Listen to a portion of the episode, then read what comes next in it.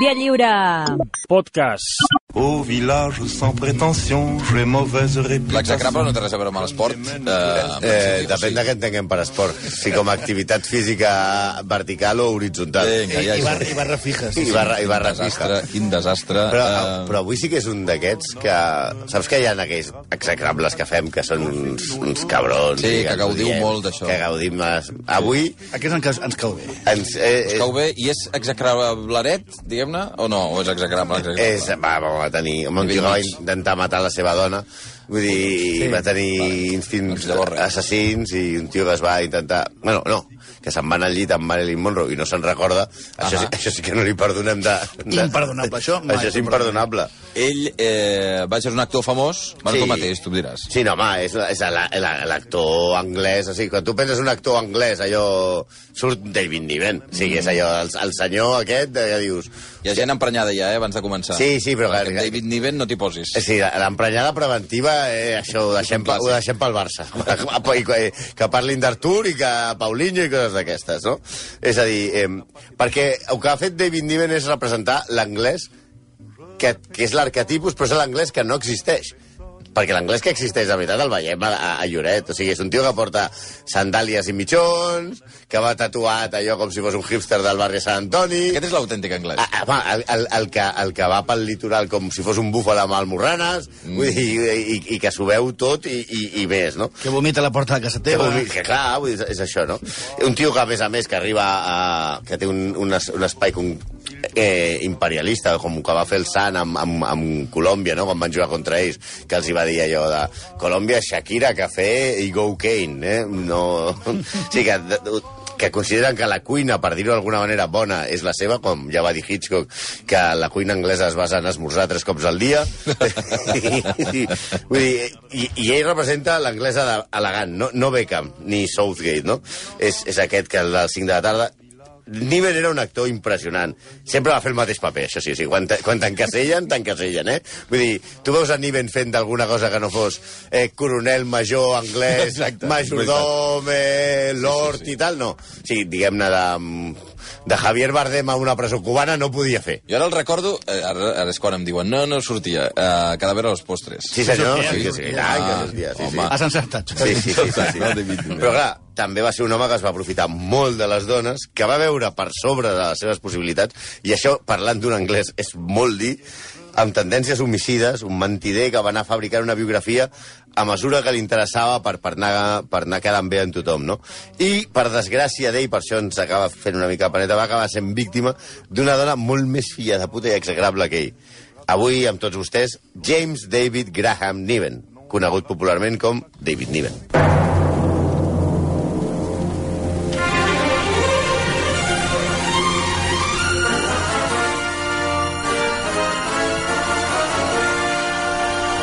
Que esteu amb el Hollywood clàssic ja directament, eh? És que això era molt més... Era, Això- això, això això eren pel·lícules. Això eren pel·lícules. Allò eren pel·lícules. Això no, eren pel·lícules. La Vuelta al Mundo en 80 dies, perquè evidentment un dels personatges que ens ve a la memòria quan parlem de David Niven és el protagonista de La Volta al Món en 80 dies, que es diu Phileas Fogg, pas de l'ESO, i especialment per les de la GB. No es deia Willy, això era una sèrie de O dibuixos sigui, de Willy. Fogg, no. Willy Fogg, apostador, sí, cada no. dia mor un gatet quan diuen el protagonista de la... Willy Vuel- Willy Fogg, no. Phileas Fogg. Sí, tampoc era un lleó, tampoc era un lleó. I és que el, el seu aspecte físic era, és tal com es suposa que ha de ser un lord anglès.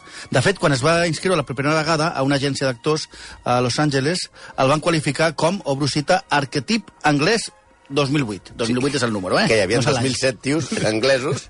Estaria- Varia després de l'Equines, segurament. Estaria bé veure en quins epígrafs van definir Antonio Banderas, Elsa Pataki o Javier Bardem quan van anar als Estats Units. És- O a Dani De Vito. Sí, eh, es- Antonio Banderas podía ser español no pronun- que no pronuncia, que no vocaliza 2008. Carai. No, sí, i no els hi faltava raó que fos un lord anglès eh, i un arquetip anglès. David Niven, els seus orígens, són realment nobles. Va néixer a Londres, a una mansió que està a pocs metres de Buckingham Palace, fill d'un aristòcrata i d'un militar que va morir heroicament, com només els anglesos saben fer, allò, allò morir per l'imperi, eh, a la batalla de Galípoli, ni més ni menys. Bueno, que era el seu pare, això s'ho pensava ell. Sí, perquè ja de ben petit David va descobrir que el seu pare no era el militar mort a Galípoli, per cert, per l'ESO, una batalla de la Turquia de la Primera Guerra Mundial. I no és una pastilla. sinó un membre de la Joder. cambra dels lords comencem. que aprofitava les sortides del seu pare per pinçar amb la seva mare. Vinga. Va ser un fill no desitjat, fruit d'una relació extramatrimonial. Per de l'ESO, és com si Messi marqués gols a l'Europa els cap de setmana. Eh, amb la franquesa que, caracteritza, que caracteritza els britànics, la seva mare i el seu pare biològic el van cridar un dia quan tenia 8 anys i li van dir «Mira, nen, tant de bo no haguessis nascut. Va ser l'únic accident de la nostra vida. Espero que comprenguis que, donada la nostra posició, no podem dir-ho a ningú. Home, Carai. doncs molt bé. Això... Quin bon inici. Bueno, això la, els terapeutes actuals aquests de que no s'ha de fotre hòsties als nens no ho veurien massa bé. Mm. Però bueno, com podeu imaginar, el nen no s'ho va prendre massa bé. I Vuit va anys tenia, eh? Sí, vuit anys. I va convertir-se en un nano insuportable que va optar per la via del vandalisme i tocar els quions. Què dius ara? Sí. David Niven, van- vàndal, de jove? Vàndal, molt vàndal, molt, molt, molt mal bitxo, molt mal bitxo. Per tant, què van fer els seus progenitors? En lloc de portar-lo a un psicòleg, dir que tenia un TPA i tal, què fa? feien el que feien els pares de veritat d'aquelles èpoques? Fotre'l en un internat militar. Hosti. que és on es va trobar uns nens molt més grans i molt més cabrons que ell, que el van sotmetre a tot tipus de vexacions. Oh, és a dir, el, va, el van violar només a entrar. Ah, no fotis. Sí, Sí, sí, sí. Ell, Ah, ell, sí? ell va explicar a les seves memòries de que allò no, no era sexe ni res, vull dir, que només entraves a, a a l'institut, aquesta institució militar, els nens més grans violaven els més petits. Sí, molt, molt maco tot. Bueno, els anglesos ja tenen això, dormen molt junts. Inici, tu. M'esteu destrossant, totes ja només dades, començar, eh? eh, de la, les dades de la seva vida Uf. les hem tret de les seves biografies, especialment de les dues autobiografies que ell va escriure. Una es deia Bring the Empty Horses, que és la frase de Michael Curtis quan, per dir que portessin els cavalls sense genet, i The Moon is a Balloon, que a més de ser a més de ser molt bon actor, era un escriptor més que notable. Sí? Va fer, Sí, era Sí, molt, sí. bé, molt bon escriptor. Sí, va fer aquestes dues autobiografies, va fer algunes novel·les. El que passa és que la seva capacitat per fabular, per fabular i mentir no distinguia el relat de la ficció de la no ficció. És a dir, era un rotllo pequeño Nicolás. En tota la seva vida no li, import, no li importa gaire mentir a tort i a dret per aconseguir el que volia. Ell mateix ho reconeix a la biografia que va escriure Michael Moon, un dels seus grans amics, que es deia L'altra cara del globus. Més música de pel·lícules de veritat. Però posareu cada vegada els postres o no? No. Que ara he mirat Dick, Dick Chal Dick Charleston. Dick Charleston. Charleston, A més, tots els noms dels personatges de David Niven són magnífics. Oh. Quina sort que has tingut que Wikipedia està oberta avui, eh? No, Sí, Sí, passada, sí. sí. Aquesta és la de los cañones de Navarone. Ho he mirat a l'IMDB, no a Wikipedia. Ah, Dick no, Charleston. Eh, cuidado, Eh, cuidado, que se'l mira IMDB, eh? Que veniu aquí a rajar, a, Sí, veniu perquè a atacar-me. a fotogrames ja no podem mirar. És veritat? bueno, la seva instrucció militar barra sexual li va servir bastant a la vida. Respecte a la sexual, eh, va ser un home tan promiscu i amb una capacitat tan gran per ser fidel que és l'autor d'una de les frases que formarien part dels 10 manaments dels execrables, si existís aquesta cosa dels 10 manaments dels A, execrables. a veure la frase. Diu, jo sempre vaig voler ser fidel a les meves parelles, en especial algunes que vaig estimar molt, però les meves ereccions sempre van ser més fortes que les meves conviccions. Quina frase, tu. Oh! Clar, Com Mitterrand. Jo, jo quería, Oh. sí, clar, con Mitterrand, però sense viure a la Lisi. O sigui, jo, jo no quería, ¿eh? Pero es que, claro, es que, es que, es que el niño piensa solo. Vinga. Ah, Au, bueno, va. tenia molt èxit No amb les gaire? amb, tenia molt d'èxit amb les dones. Era un tio molt guapo, molt ben plantat, molt alt, i Mae West, que diguem-ne cada home se'n sabia una mica, explicava, quan li preguntaven per David Niven, Déu deia, Niven té encant on els altres homes només tenen colònia. Crec que això ho s'entén perfectament. Molt bé. Fins i tot el de l'ESO. Sí. Sí. sí, pel que fa a la instrucció militar, Niven va aparcar la seva carrera d'actor durant la Segona Guerra Mundial per anar a lluitar contra els nazis. D'aquí obrodi els papers de militar anglès com els canons de Navarone. Va arribar a ser tinent coronel d'una companyia de comandos que operava darrere de les línies enemigues i va ser un dels ide- ideòlegs del Pla Fortitude per enganyar els nazis sobre el lloc on es faria el desembarcament de Normandia. que no, no va anar a la guerra a fer de, de Marilyn Monroe o de Cary Grant, allò. No, no, aquest matava de veritat, eh? Sí, no, no, era, era, era tinent coronel de comandos, de veritat. Pensa que, clar, havia anat a, a, a institucions militars des de ben petit. Eh, eh, el que explicava el Malcolm de l'operació Fortitude, ell estava un dia per, per un campament i va veure un dia un soldat que s'assemblava a, al Monty, a Montgomery. Però no, No, Monti no, l'Àlex Montoya. No, no, no, no, no, no, Monty. no el nostre Monty, el Monty que és in, inigualable i Sí, sí. irreemplaçable. Sí, a, a, el mariscal Montgomery. I el va fer servir com a doble per tal d'evitar atemptats contra el militar. Però un cop quan ella, quan acaba la guerra i retorna a la seva carrera d'actor, és quan li passa l'incident que marcarà la seva vida per sempre i que el portarà a tenir les tendències suïcides primers i homicides més tard. Us he de dir que és potser en que portem 3 anys ja, o 2 Sí, o 3, tres anys, ja tres portem temporades. 3 temporades, potser és la secció millor música dels execrables mai, No es mai generat de la història. Eh. Ah, sí? Sí. Sí, sí, I no, no- no, podia ser tan maco. Oh! Tor Quin nivell, seguim en, en nivell. Es va enamorar i es va cansar amb Primula Susan Rollo. Rollo. Van Eh? tenir, van tenir un... Rollo, perquè Un Rollo rollo. es diu Oh, Rollo. mira, escolta. I si tenien fills, tenien rollitos. Va, prou. Va, tira, I tira. aquí va fer, aquí va fer la promesa de que serien l'única parella de Hollywood que no es divorciaria. Ell l'estimava molt, però també l'enganyava, perquè la cabra tira al monte i David Niven es tirava al monte i a la cabra i a tot. Vinga, va. doncs bé, Oh. el cas és que en una festa a casa de Tyrone Power, a què estaven convidats els golfos més grans de tot Hollywood, es van posar a jugar a fet i amagar. I aquí és on cau el mite. Aquí, aquí, aquí no podem passar. De veritat us penseu que en una festa amb drogues, alcohol, on participen els tios i ties més guapos de Hollywood, és a dir, a tot el puto món, no hi ha res millor a fet que jugat a fet i amagar? No, però és, és literal. Sí. Que van jugar... Jo em pensava que... Està... Bueno, és que vosaltres no us entenc mai, si esteu parlant No, no, figurat o no. jugaven a fet i amagar. És a, A dir, fet i amagar. Tu t'imagines... No, no és una metàfora. Iron Power. Errol Flynn, eh, Mike West, eh, Marilyn... I tots... I ara què fem? A. Tu No, comptes. fulleu. Calla, calla, home, calla. Bueno, calla. això ho podria esperar d'una festa a casa d'Almodóvar.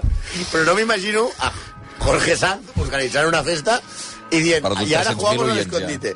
A John Belushi o a Quentin Tarantino muntant una festa a casa teva dient vinga, va, i ara un, dos, tres, pica paret. Para, pares tu.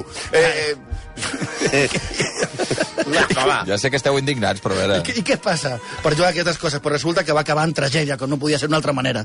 La dona de Niven va anar a amagar-se el que pensava que era un armari, però va resultar ser la porta de la bodega.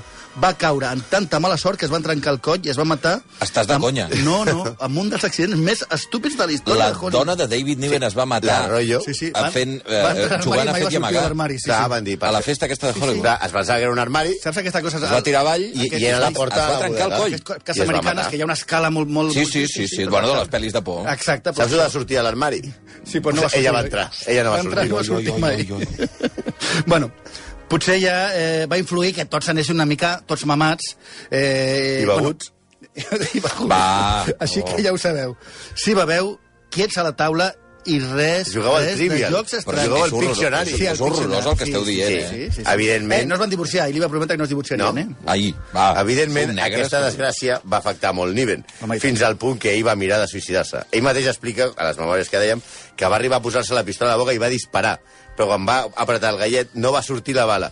I ell mateix va comentar després, diu, va ser una cosa increïble, perquè després d'haver fet la guerra i haver-me carregat a mogollons de nazis, era un expert en armes, o sigui, sempre li havia... Quan tenia un nazi davant, sempre se li disparava. Mm. I aleshores ell, davant això, d'aquest fet d'intentar suïcidar-se i no matar-te, pot reaccionar de moltes maneres. O ho tornes a intentar, o fas com va fer Niven. Consideres que és un senyal de Déu i et dediques a pagar-te la vida padre. Home, els joves. Esplèndid, de moment no ha caigut això, eh?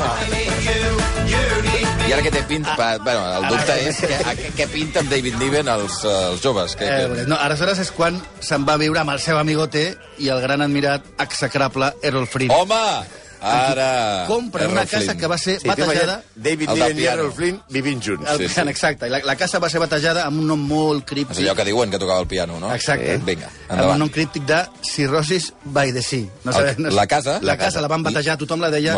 Cirrosis al, al costat del mar. Tot eren festes, alcohol, drogues i orgies, fins al punt que un dia en plana l'acudit d'organització organització, el nostre Robin Hood favorit va intentar patar-se al nostre David, Escolta'm, que li va, dir, favor. li va dir no, no.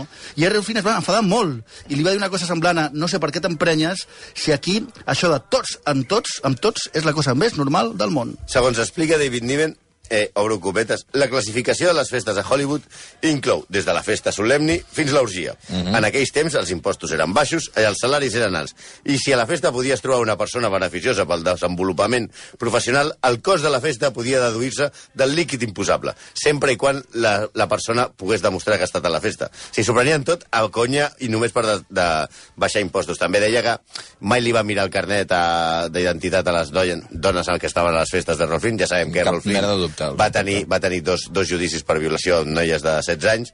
La convivència amb Flynn no devia ser gaire fàcil, també t'ho dic, eh? El mateix Niven deia que l'estimava perquè era conscient de que Errol és aquell amic que sempre saps que et fallarà. I li feia bromes com l'Errol Flynn, el David Niven, com allò de sortir a navegar amb el, amb el barco que tenien, i diu, eh, David, salta aquí a nadar, que el agua está muy, muy bien. I En aleshores... castellà li va dir, no? Sí, sempre parlaven en castellà. ell. I li, li, li aixecava l'àncora i començava a navegar. I el que no comptava és que hi havia taurons a l'aigua. Oh. O sigui, més d'una vegada l'havia deixat... Quan veia un tauró li deies, salta, salta, aquí està fresquet a l'aigua. El típic amic, eh, jaja. Bueno, Quina risa, eh? van Sí. començar a perdre eh, els papers. Tant que Niven, una vegada, li va comentar en una festa a Rainier de Mònaco que la tia que millor cardava de Hollywood era Grace Kelly que ella havia estat amb ella moltes vegades i que no deixés d'intentar anar al llit amb ella. Això li va dir Niven al, al Reiniero. Sí, amb el petit detall, que sí, perquè com que ja estava molt begut i tal, que no, no, no sabia, no sabia- no s'adonava, no se'n recordava, que Rainier i, i Grace ja feia temps que s'havien casat. Ah, ah, no ho feia per provocar. No, no ho feia per provocar. No, ho deia eh, tio, si tu vols follar amb alguna tia... va. amb la- Vinga. amb la quinta. Sembla ser que ja mai, mai va ser, con- tu, eh, ser convidat a les festes de la Costa No Blava. va tornar. No va ser aquest l'únic problema de, causat per l'abús de l'alcohol. Hi ha un altre que no en podem permet, no, es pot, no se pot permetre, i que és el que ens ha decidit incloure'l definitivament a la categoria execrable. Explica Niven que un dia en una festa de Nova York vaig conèixer una noia molt guapa que es deia Marilyn Monroe, vaig anar a casa amb ella i l'únic que recordo és que el dia següent em vaig despertar i ella estava al llit al meu costat. No! Això sí que no, David! Estem parlant de Marilyn! Estàs molt enfadat. No es pot fer, això, no ens ho pot fer. Eh, Igual sí, però només es tira el farol, eh? Bueno, i, I és que la seva relació amb l'alcohol i el sexe era tal que, servi, que feia servir espirituosos com el conyac com a relaxant del penis per poder Vinga. actuar amb eficàcia. Ja, I t'ho explico. Això explica el nostre heroi que durant el rodatge, Sí. sí. un rodatge als Alps italians, d'una de les seves pel·lícules de la sèrie La Pantera Rosa, Home, la Pantera Rosa, i tant. eh, va arribar a No, com, l'hotel... no comenceu a tocar les coses que no es poden tocar, eh? Les pel·lícules de Pantera Rosa, no, eh? Conyac i, i, i membres, no, eh? Va arribar, ja no diré més No per sé saber si conyac o whisky, però... Sí, va arribar, va arribar al, a l'hotel amb tant de fred que el cacauet se l'havia quedat molt petit. Vinga, ara I cacauet, ara. Una, li esperava una senyoreta. I no se li va acudir una altra cosa que demanar una copa de whisky o de conyac per ficar la carn d'olla al, al, al got Hosti, perquè tornés a la vida. Vinga. Home, ella havia Això durant el rodatge de Pantera Sí, Rosa. clar, ell, ella arriba, està, estan rodant a fora, a 12 graus sota zero. Ja, ja, Se li fa el cacauet petitó i l'està Doncs mira, si hi ha el cacauet petitó, eh, descanses i te'n vas a dormir. Clar, això és el que faria qualsevol persona, però ell va dir un whisky i va ficar la titola Bé, dintre del cotó. prou, prou, Com el ja, no acudit vull de més, ja. al acudit de l'Eugenio. ¿Usted No. sabe por qué el mono ha metido los cataplines? Dice, porque le esperaba una señorita. Prou. Però és que ell havia vist, clar, és que, Oh. però si penses, això és bastant, és bastant simptomàtic, perquè... No queda ni un oient, han marxat tots tu, ja. Tu vas a, als Alps i veus que els San Bernardos aquells, aquella època, Sí. què porten? Bueno, però... Un barrilet? Sí, un barrilet. I per coll. què el porten? No, no el porten per això. Bueno, jo crec que va lligar caps. Bueno, la qüestió és que, a més a més, un company de rodatge va entrar al camerino i es va trobar a David Niven amb els pantalons baixats, amb una, amb una copa de whisky i el, i el nardo dintre ja en remull. Prou! I, aleshores, i el tio li va dir, però què fas? I el tio va dir, no, sempre orino en gots de whisky. Sí, clar. Hombre! Tia. Aquí els exacalpes toquen. Sí. El hombre i la tierra. Ja, ja hi som. Com Però aquest ja el vau fer, o sigui que ja, ja m'és igual. Ja la vida i la mort m'és igual, ja. Perquè com bé saben els nostres amics que han vist l'home i la tierra, sempre hi ha un depredador pel depredador. I en el cas del nostre Niven no va ser diferent. L'espècimen va caçar, no sé per què parlo així ara, va passar que li va fer la vida Està a impossible. l'acecho. L'acecho. L'espècimen que lo cazó. No, l'espècimen que, va, que li va fer la vida impossible Aquest és Sabina fent l'home i la tia. va ser la model sueca Jordis Tersmeden, o algo així, o Tersmeden, o així. Molt bé. Que Que té moltes que ell, dièresis i moltes coses. Sí. que bevia més que ell, que era més inestable que ell, més promiscua i immensament una persona molt més dolenta. El seu matrimoni entre ells va anar malament des del començament. També va ajudar potser el fet que Niven, quan es va acabar casant amb la Jordis, Sí. eh, deixés embarassada una altra model sueca. Això també s'ha de dir a favor d'ell, que quan el tio es posava per Sueca, sectors... sueca i tiro me si, si el tio diu, avui to aquest, aquest, aquest, mes, aquest semestre toquen sueques, sueques. Les sueques! No puc eh? Era Otoe constant. Estic passant fatal. I ell comencés a la seva esposa d'adoptar la nena que va tenir amb la seva compatriota. Bueno, però el cas és que ella, la Jordis aquesta, va maltractar a Niven a saco, físicament i psicològicament. Eh, Jordis va ser amant, entre d'altres, de eh, Kennedy, que li va deixar com a penyora una, malalt una malaltia de transmissió sexual. Molt bé. Que hi va maltractaniment quan aquest començava a notar els símptomes del ELA. Va morir, va morir d'Ela? D'ELA, sí. Niven? Un dia Niven estava presentant un programa de televisió eh, amb el seu amic Fred Astaire i va començar a parlar malament. Tothom va donar per fet que estava begut, i fins i tot els seus companys el van trucar dient com que aquest cop s'havia passat, que mai l'havien vist igual... No, no sabien que, que existia Cardem. Clar, ell era, no, no, encara no havien fet lo del bucket de gel aquest, no? I no anava borratxo, no anava borratxo, sinó que era la primera vegada que es manifestava l'Ela. A la, a la televisió li va Sí, passar. Va passar ell va començar a parlar Com- malament. No, us en recordeu de... No, era- no era ell, en aquest cas era un ictus, però de, de, eh, presentant els, els Goya... Ah, Alfredo Landa. Alfredo Landa va començar a dir Ferpeo, os quiero, no sé què passa, doncs igual en directe. Jordi va ser, eh, aleshores, el... ja molt, do, molt dèbil estava, li va fer la, la, la vida impossible en el, en, el, en el David Niven. Quan ella estava amb una cadira de rodes, el deixava tirat a casa i el maltractava. Fins i tot que va arribar un dia, quan Niven no era a casa, va veure la seva dona absolutament cau i borratxa, perduda, a la, a la, a la banyera. I Niven recorda, i, i explica... Ho ha escrit, això? Sí, sí, i explica la seva biografia, que va tenir la tentació de baixar-li el cap i ofegar-la per la mala, la mala vida que donava. No la, va mat, no la va matar perquè va seguir pensant que no podria suportar la pena i també perquè suposo que amb la cadira de rodes i amb l'Ela no podia arribar prou a la banyera. Però bueno, és el que podia fer. Un dels que cuidava era el seu amic Roger Moore, que des, es va despatxar a gust contra la seva segona esposa, que no va ser present el dia que Niven va morir, va arribar, va arribar tard i beguda al funeral. Explica Roger Moore que va arribar en cotxe amb una ampolla de vodka i que va sortir rodant del cotxe. I quan va morir, només va deixar al testament que no l'enterressin al costat del seu marit. La van incinerar. Encara crema. Evidentment, com la reina d'Anglaterra. Vinga. Les 11 i 30 segons. I t'ho hem clavat a les 11, eh? Sí, sí. Bueno, era clavat. Avui, Clavat seria que avui els de darrere no es queixaran. Sí, mira, el tens aquí. El Toni Garcia està apretant que, que ho talleu ja, això. Sí, No, sí. Les 11 i gairebé un minut. Avui David Niven és un desastre per tots i, en fi, avui No, però per, per, cau bé, eh? per la penyora miraré un cadàver a los postres a casa amb Dick Charleston. Uh, Sí. Com era Dick i, i la, la senyora um, de, que l'acompanyava, diguem-ne, la seva parella, es deia... Espera't, eh? Ara, això no ho sabré ara. Jo, jo espero Dora. Que... Jo, jo miraria... La Maggie Smith. Jo miraria... Dora Charleston, ara ja, en diuen. Crec que és la segona de la Pantera Rosa, que és la que passa a Cortina d'Ampezzo, mm. que és la de la neu, que és la Sí. pel·lícula. I prova-ho del... No cal provar. A les 11 i un minut. Adéu, adéu, aneu ja. Tout le monde viendra me voir pendu, sauf les aveugles, bien entendu.